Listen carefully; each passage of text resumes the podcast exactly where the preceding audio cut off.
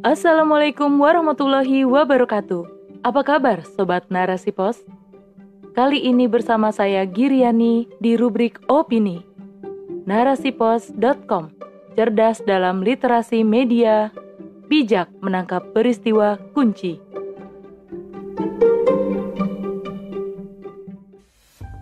Pandemi tetap awet dengan penanganan ala kapitalisme oleh Julfaningsih SPDI. Juru bicara nasional Satgas Penanganan COVID-19, Wiku Adi Sasmito, mengingatkan agar masyarakat menunda perjalanan ke luar negeri untuk mencegah penularan COVID-19 varian Omikron. Salah satu peran kunci masyarakat dalam mencegah meluasnya penularan COVID-19 adalah dengan menunda perjalanan ke luar negeri yang tidak mendesak, kata Wiku dalam konferensi pers daring di Jakarta, Kamis 20 Januari 2022. Kalaupun terpaksa ke luar negeri, wajib menjalani karantina terpusat saat kembali ke Indonesia. Tak bisa dipungkiri, pandemi COVID-19 di dunia dan khususnya di Indonesia sampai saat ini belum juga berakhir. Berbagai varian baru terus bermunculan akibat dari keganasan virus ini, dan sekarang yang sedang merebak adalah COVID-19 varian Omikron. Pada saat ini, Omikron sudah menjadi ancaman baru bagi kelangsungan hidup manusia karena lebih cepat menular meskipun dalam gejala yang ringan. Dan jika tidak ditangani dengan cepat dan tepat, maka bukan tidak mungkin virus ini akan banyak memakan korban jiwa. Di Indonesia sendiri, untuk jumlah kasus Omikron kian hari kian bertambah sejak pertama kali diidentifikasi pada 15 Desember 2021 lalu.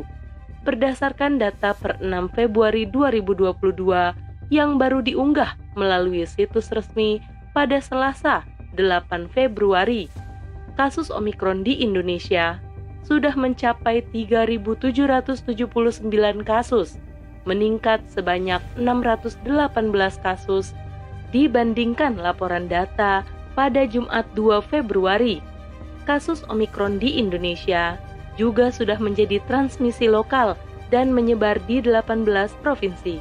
Akibat dari bertambahnya kasus Omikron di negeri ini, warga yang berada di sekitar Jakarta sekarang sudah mulai merasakan kesulitan mencari rumah sakit untuk melakukan perawatan karena tingkat keterisian bed di rumah sakit sudah mencapai 45% dan bukan tidak mungkin lonjakan kasus Omikron akan terus terjadi mengingat kegiatan masyarakat belum dibatasi secara total dan PTM pun masih berlanjut di berbagai wilayah.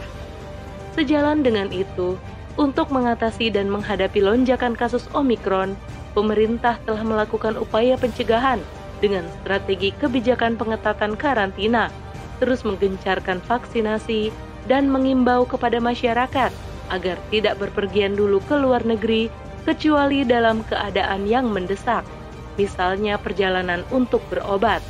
Selain itu, pemerintah juga sudah menyiagakan 1011 rumah sakit dan 82.168 tempat tidur serta jutaan stok obat-obatan untuk pasien COVID-19 dalam waktu tiga bulan ke depan.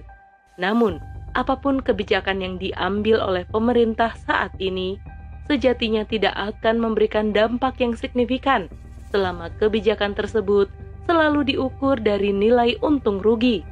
Pun dari awal kemunculan COVID-19, kebijakannya selalu mengalami tambal sulam, berputar pada kebijakan itu-itu saja, tidak mampu membuahkan hasil yang optimal dan tuntas dalam memberantas penyebaran COVID di negeri ini.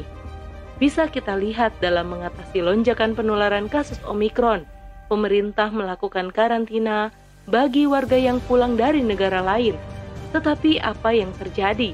Proses karantina pun sekarang sudah tidak efektif karena bisa disuap dan dijadikan lahan bisnis.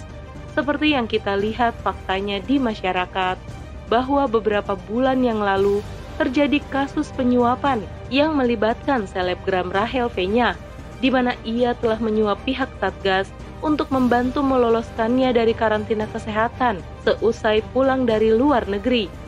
Dan untuk kamar karantina pun sekarang telah dilirik untuk dijadikan lahan bisnis. Bagi pelaku karantina mandiri, tarif kamar hotel dibanderol dengan harga yang bervariasi berdasarkan lama masa karantina dan klasifikasi hotel. Selain dari beberapa kebijakan di atas, pemerintah juga hanya mengimbau agar masyarakat tidak melakukan perjalanan ke luar negeri.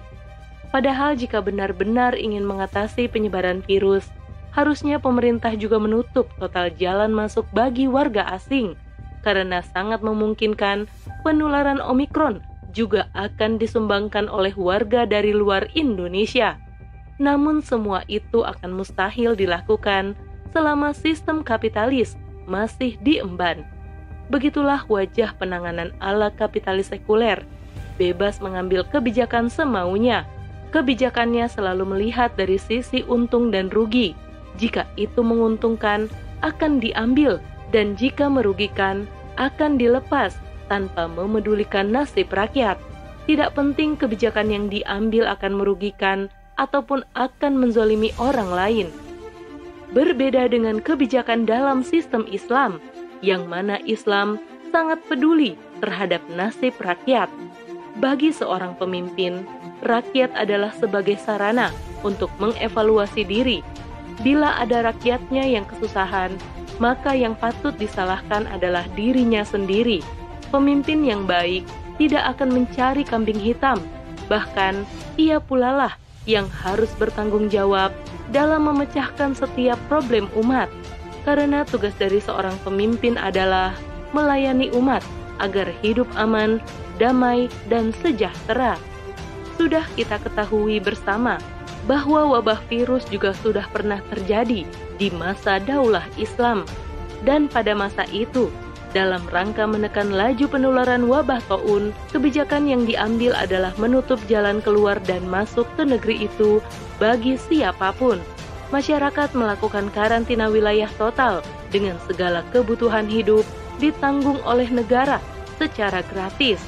Oleh karena kebijakan tersebut, maka dengan cepat wabah taun bisa teratasi. Dari kebijakan-kebijakan yang diambil khalifah, tidak ada rakyat yang dirugikan ataupun yang terzolimi. Tidak seperti kebijakan yang diambil oleh negara kapitalis sekarang, sangat jauh dari kata keadilan.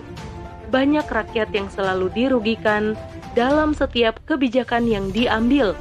Rakyat dibiarkan hidup sendiri, meratapi nasib di tengah kerasnya hidup dan ancaman kematian akibat virus yang terus mengganas.